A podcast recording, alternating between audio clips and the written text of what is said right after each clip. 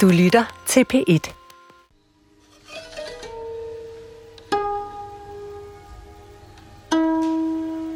Kære skat, jeg tror, du er i live, men kan vide, om du er såret. Du må være bange. Du må være virkelig bange. Og hvad med de andre? Er I sammen? Holder I sammen? Jeg er så pisse bange, og det her, det er så uvirkeligt. Det er februar 2011. Maria har kørt fra hendes kæreste Rane i nogle dage. Sådan plejer det ikke at være. Han er ude at sejle. Det sidste Marie hørte var, at han var på vej mod Adenbugten. Normalt sender han en besked fra båden hver formiddag med en kort status om, at alt er godt. Men det sidste døgn har der været helt stille. Der er noget galt. For at få styr på tankerne, skriver Marie til Rane i sin dagbog. Også den dag, hun får et opkald fra PET. Jeg fik en i røret. Øh, Tommy hed han vist. Han fortalte, at jeres nødsender var aktiveret, at alarmen var gået, og så behøvede han egentlig ikke at sige mere. Pirater, tænkte jeg med det samme. Jeg ved, at du er bange nu. Og jeg ved, at det her det er langt større end noget, jeg kan fikse. Det er jeg ked af, skat. Det er den værste følelse. At jeg ikke kan gøre noget, og at jeg ikke kan redde dig ud og få dig væk og hente dig hjem. Det er ikke sådan her, dit eventyr det skulle ende.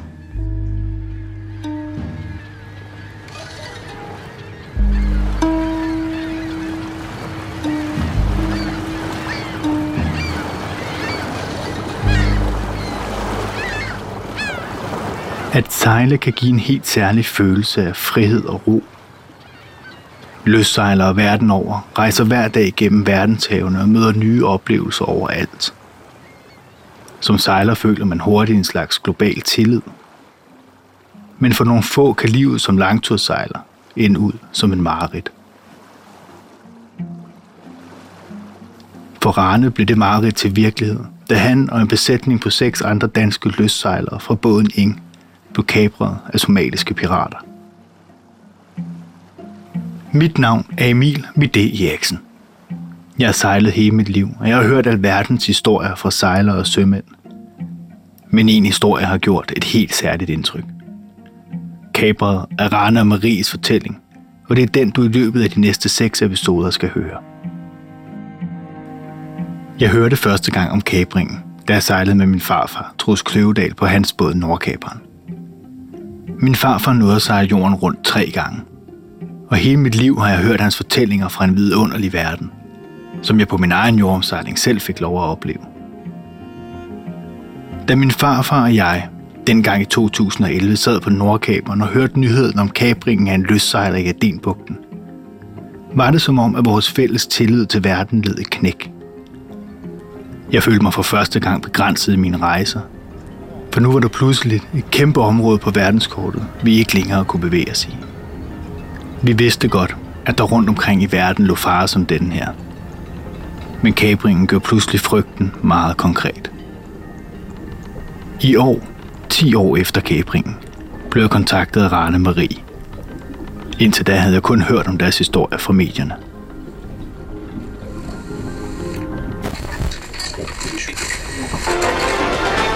Til nyheden om, at en dansk familie på jordomsejling er blevet kapret af pirater i det indiske ocean og nu er på vej til Somalia. Ombord på skibet er et forældrepar og deres tre børn og to voksne gaster.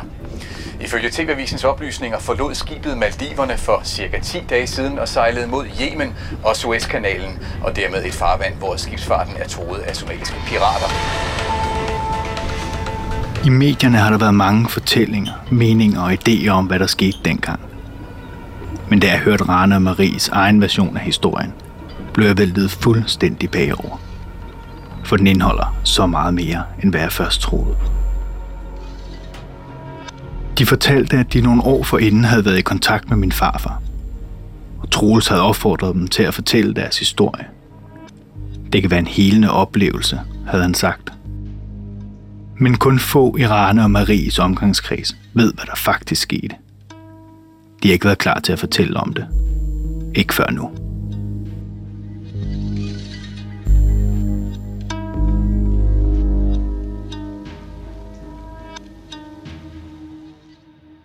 Jeg har sådan set sejlet altid. Min far har altid snakket om langtur, og, øh, og tæsket alle Truls Kløvedals øh, historier igennem, og, og altså det er det, jeg er blevet opflasket med. Ellers levede ganske almindelige forstadsliv. Hver sommer sejlede vi, og, og der var stadig altid snak om, kan man sige, lang tur og sådan noget, men, men det, det blev aldrig til mere end, end ved snakken, kan man sige. Lige pludselig så blev det så vagt igen. Jeg havde hele tiden haft en tanke om, at jeg skulle have en lille båd eller et eller andet. Det var faktisk til en Sankt Hans aften, det, jeg kan tydeligt huske det. En af mine rigtig gode øh, venner fra Roskilde, han svarede en gammel øh, træbåd, sådan en åledrivkvæs, en rigtig gammel en. Han spurgte, om vi ikke skulle med ud og holde Sankt Hans ude på Roskilde Fjord. Og jo, det skulle vi da helt klart. Og en røvfuld hummer i tasken og en pose bajer også. Og så da jeg ligesom kom bag roret på den der båd, selvom det, jeg har aldrig sejlet en træbåd før. Det hele lå bare naturligt til mig, og smilet kunne nærmest ikke komme ned igen. Og da vi sådan kom hjem for det, så kiggede jeg på Marie og sagde, ved du hvad, øh, vi, nu, nu skal vi have en, vi skal have en båd. Det var i øh, 2009, fordi det var lige inden, at vi øh, skulle giftes. Og der havde vi sparet lidt penge op. Det var ikke, fordi det var fancy bryllup eller noget, men vi havde sparet, jeg tror, vi sparet 20.000 op til en, øh, til en bryllupsrejse. Vi skulle, skulle vi til Thailand eller et eller andet. Vi havde, øh, vi havde ikke nogen penge. Og så kan jeg huske, at han en dag, så sagde han, øh, vi kan tage den her charterrejse, eller så kan vi købe en båd, og så kan vi bruge den til at sejle i. Og så kan vi sejle lige hvorhen vi vil. Og så tænkte jeg, det, så er det jo oplagt. Så er det jo det, vi skal prøve. Jeg har altså altid tænkt, at der er noget, altså der er en kæmpe frihed i det der med, at så kan man bare selv styre, hvor man sejler hen.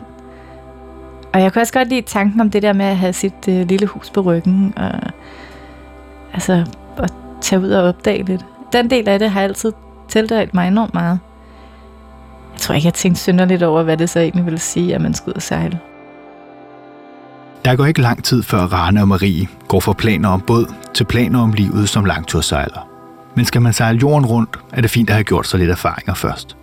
Og for at få erfaringer, kan man sejle med på en båd som gæst. Altså som et aktivt besætningsmedlem, så man hurtigt lærer, hvad det kræver at være langtursejler. Den første sådan rigtige ferie, vi havde, der var det, der var det til det sydfynske. Og det sydfynske var bare fantastisk, altså. Medvind ud, og vi havde medvind hjem.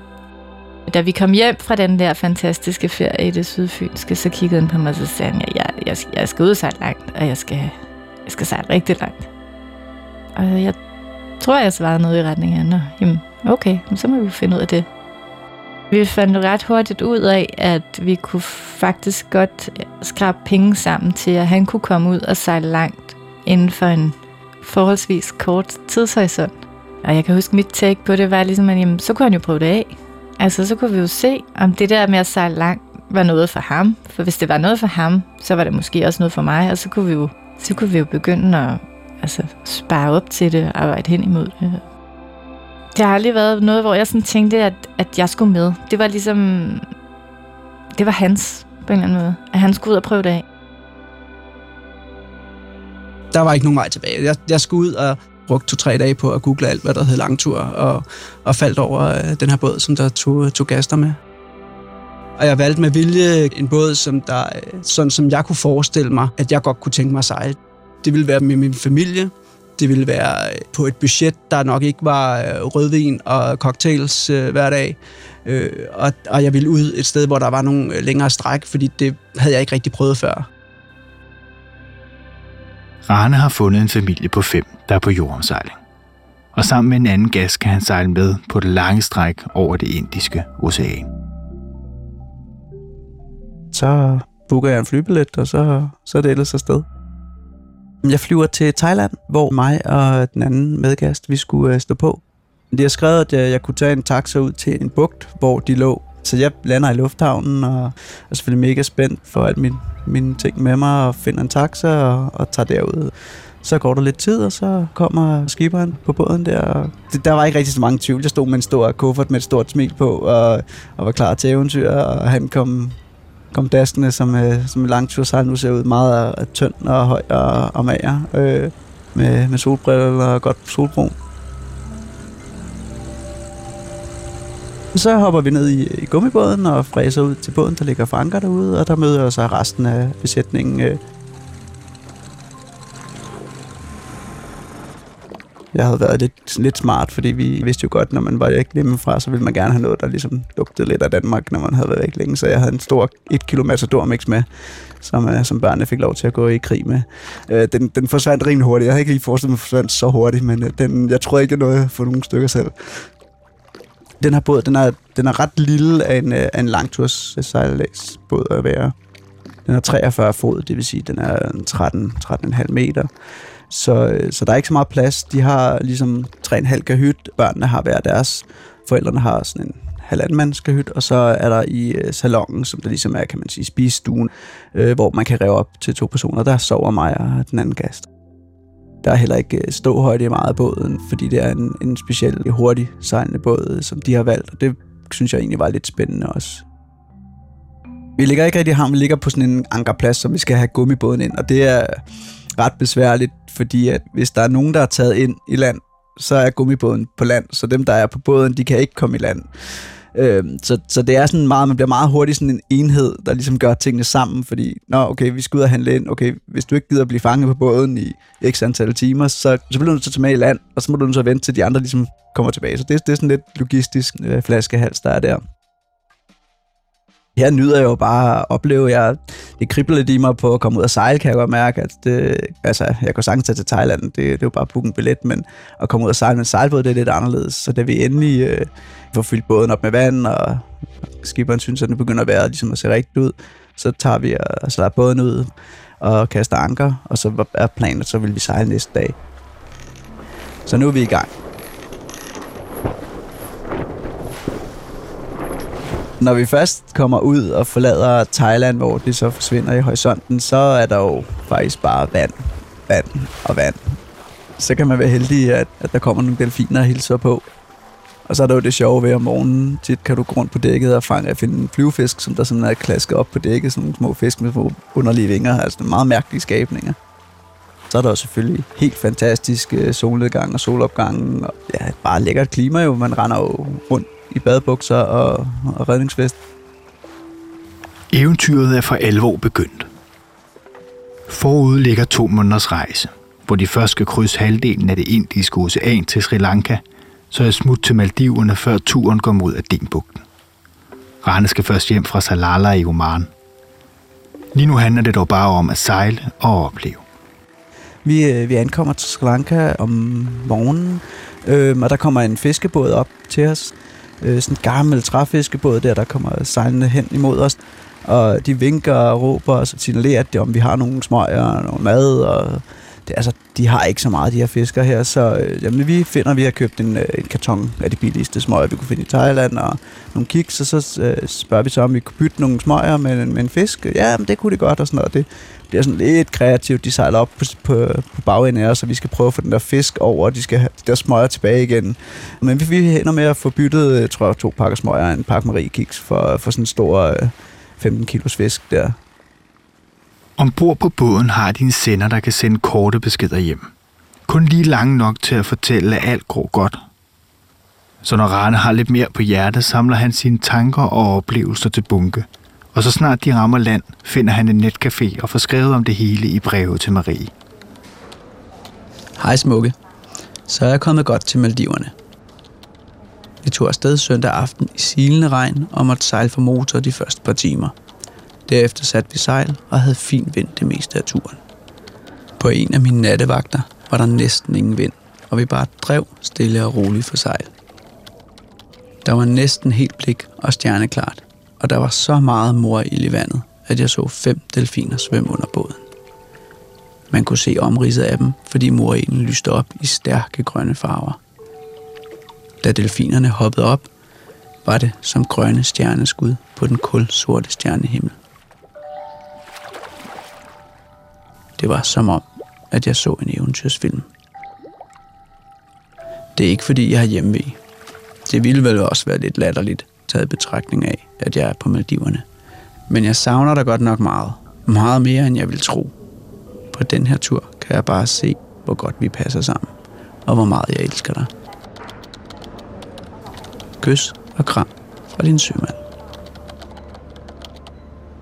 Altså, vi sejler bare fra den ene lille partysø til den anden, og dagen de går med at stå op om morgenen og spise havregrød, og så fylde øh, gummibåden med noget snorkeludstyr, og så sejle ud.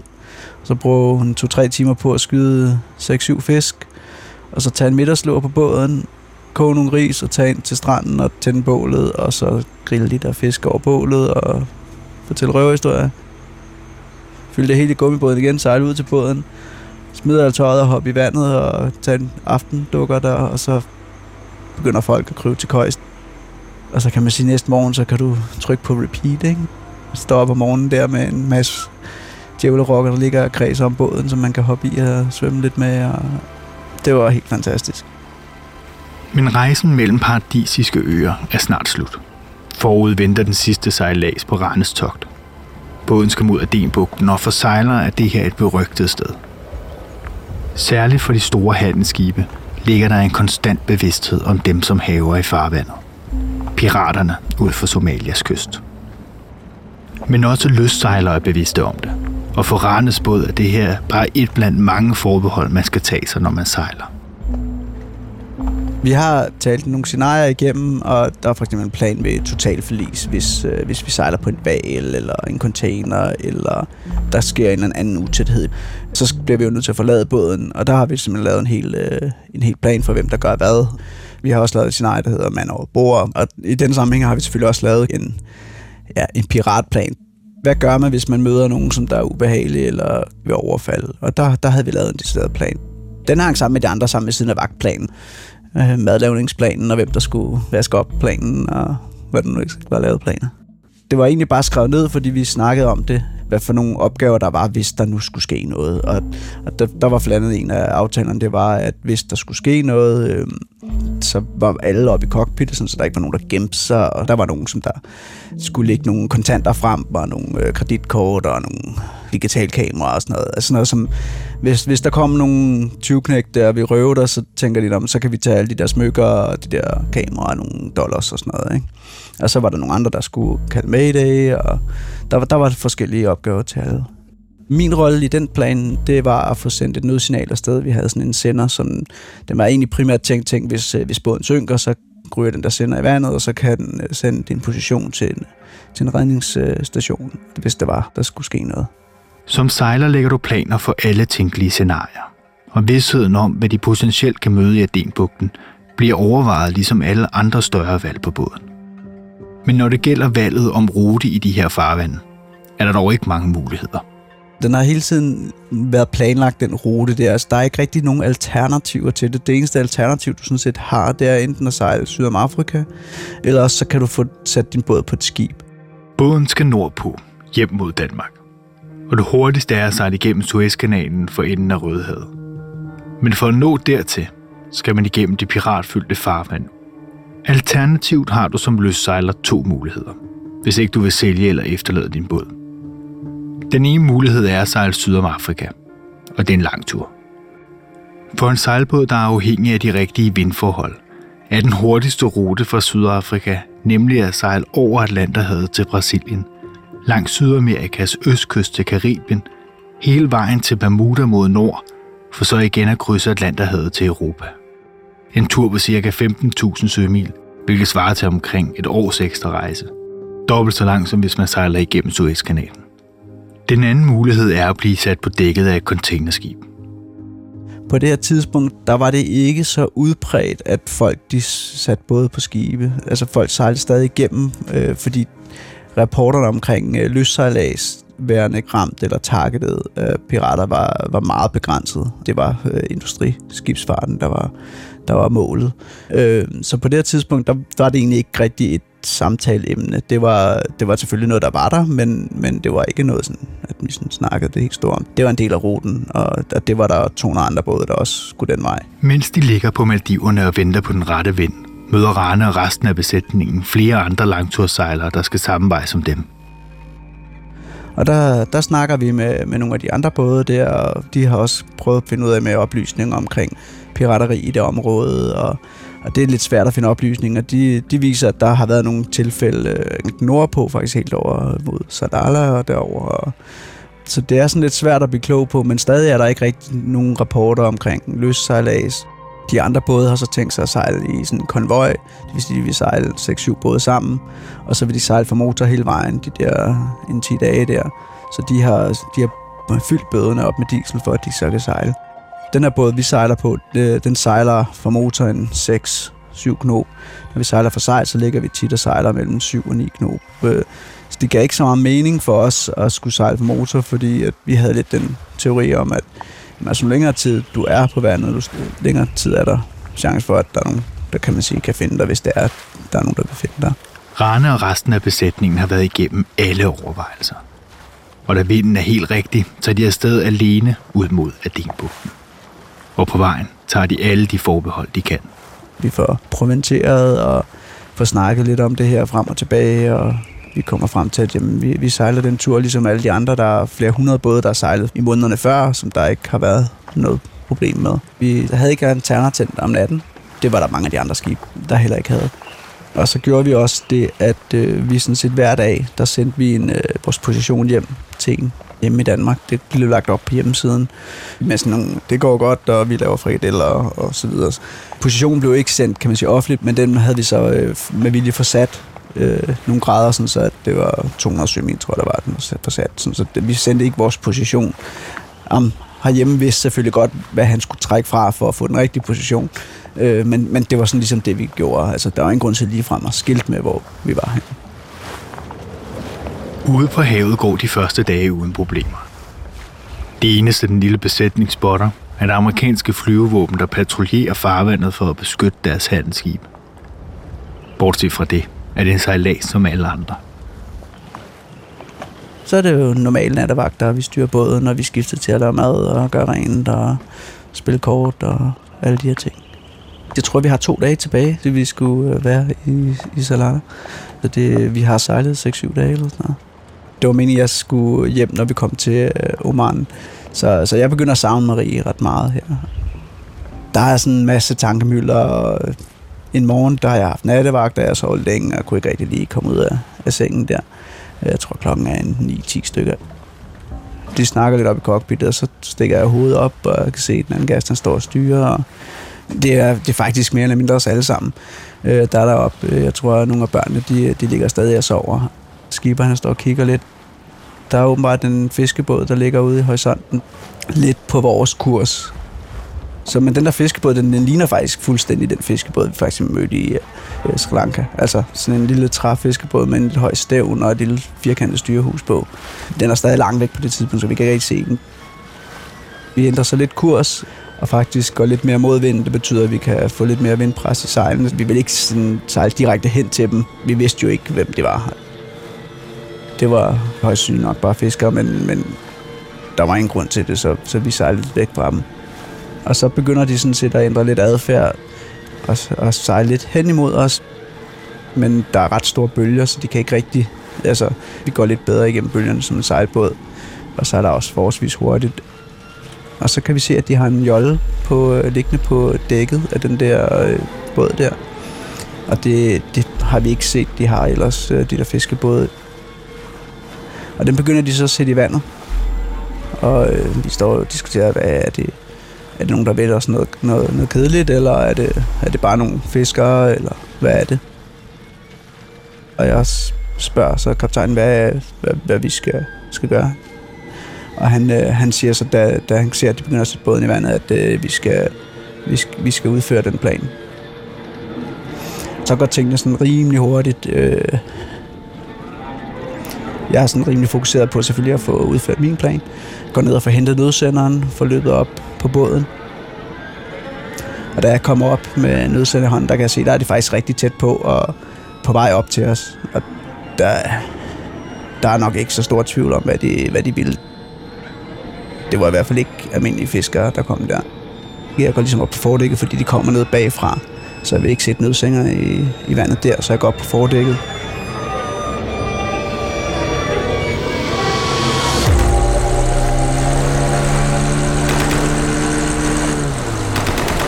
og så begynder de sådan at skyde op i luften, sådan hen over båden. De sejler simpelthen op på siden af os, derfor så den der nødsender ned i vandet fra den modsatte side, end den de ligesom ligger sig til. Jeg ser dem ikke rigtig komme, fordi jeg har travlt med at sende nødsenderen i, men, men da jeg ligesom vender mig om, så, så står de nærmest på båden. Du kan ikke rigtig gøre så meget her. De har tre folk med Kalashnikovs på det tidspunkt, ikke? De er sådan ret, ret fokuseret på mig, da de kommer på båden, fordi de kan se, at jeg står oppe i stævnen. Jeg er ikke nede sammen med de andre i, i cockpit, som vi jo egentlig havde aftalt. Jeg kommer ned øh, øh, i cockpittet. De kender, kender sådan ned i cockpittet. De andre øh, har fået lavet deres opgaver. Der er alle ligesom samlet, og de råber og skriger, og ham den ene, han er så meget fokuseret på mig, da jeg kommer ned i cockpit og råber og skriger og holder hans våben der, og øh, den tanke, der sådan kører igennem i hovedet igen og igen, det er bare, det her, det, det sker bare ikke. Det, det kan bare ikke. Det må være en drøm, eller det, det, det, det er så uvirkeligt, det her, der foregår, at det kan bare ikke ske, det her. Det, det kan det bare ikke.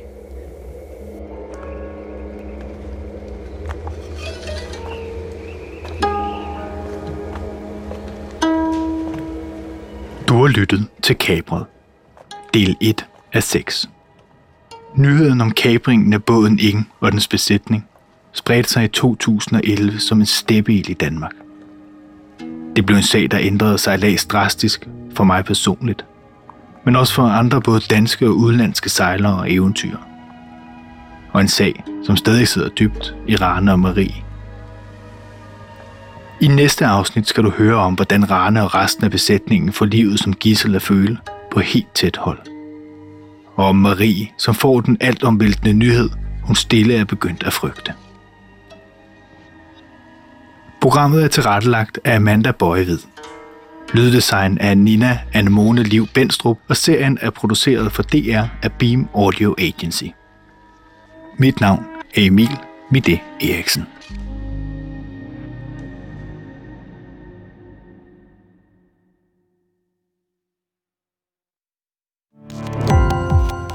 Gå på opdagelse i alle DR's podcast og radioprogrammer. I appen DR Lyd.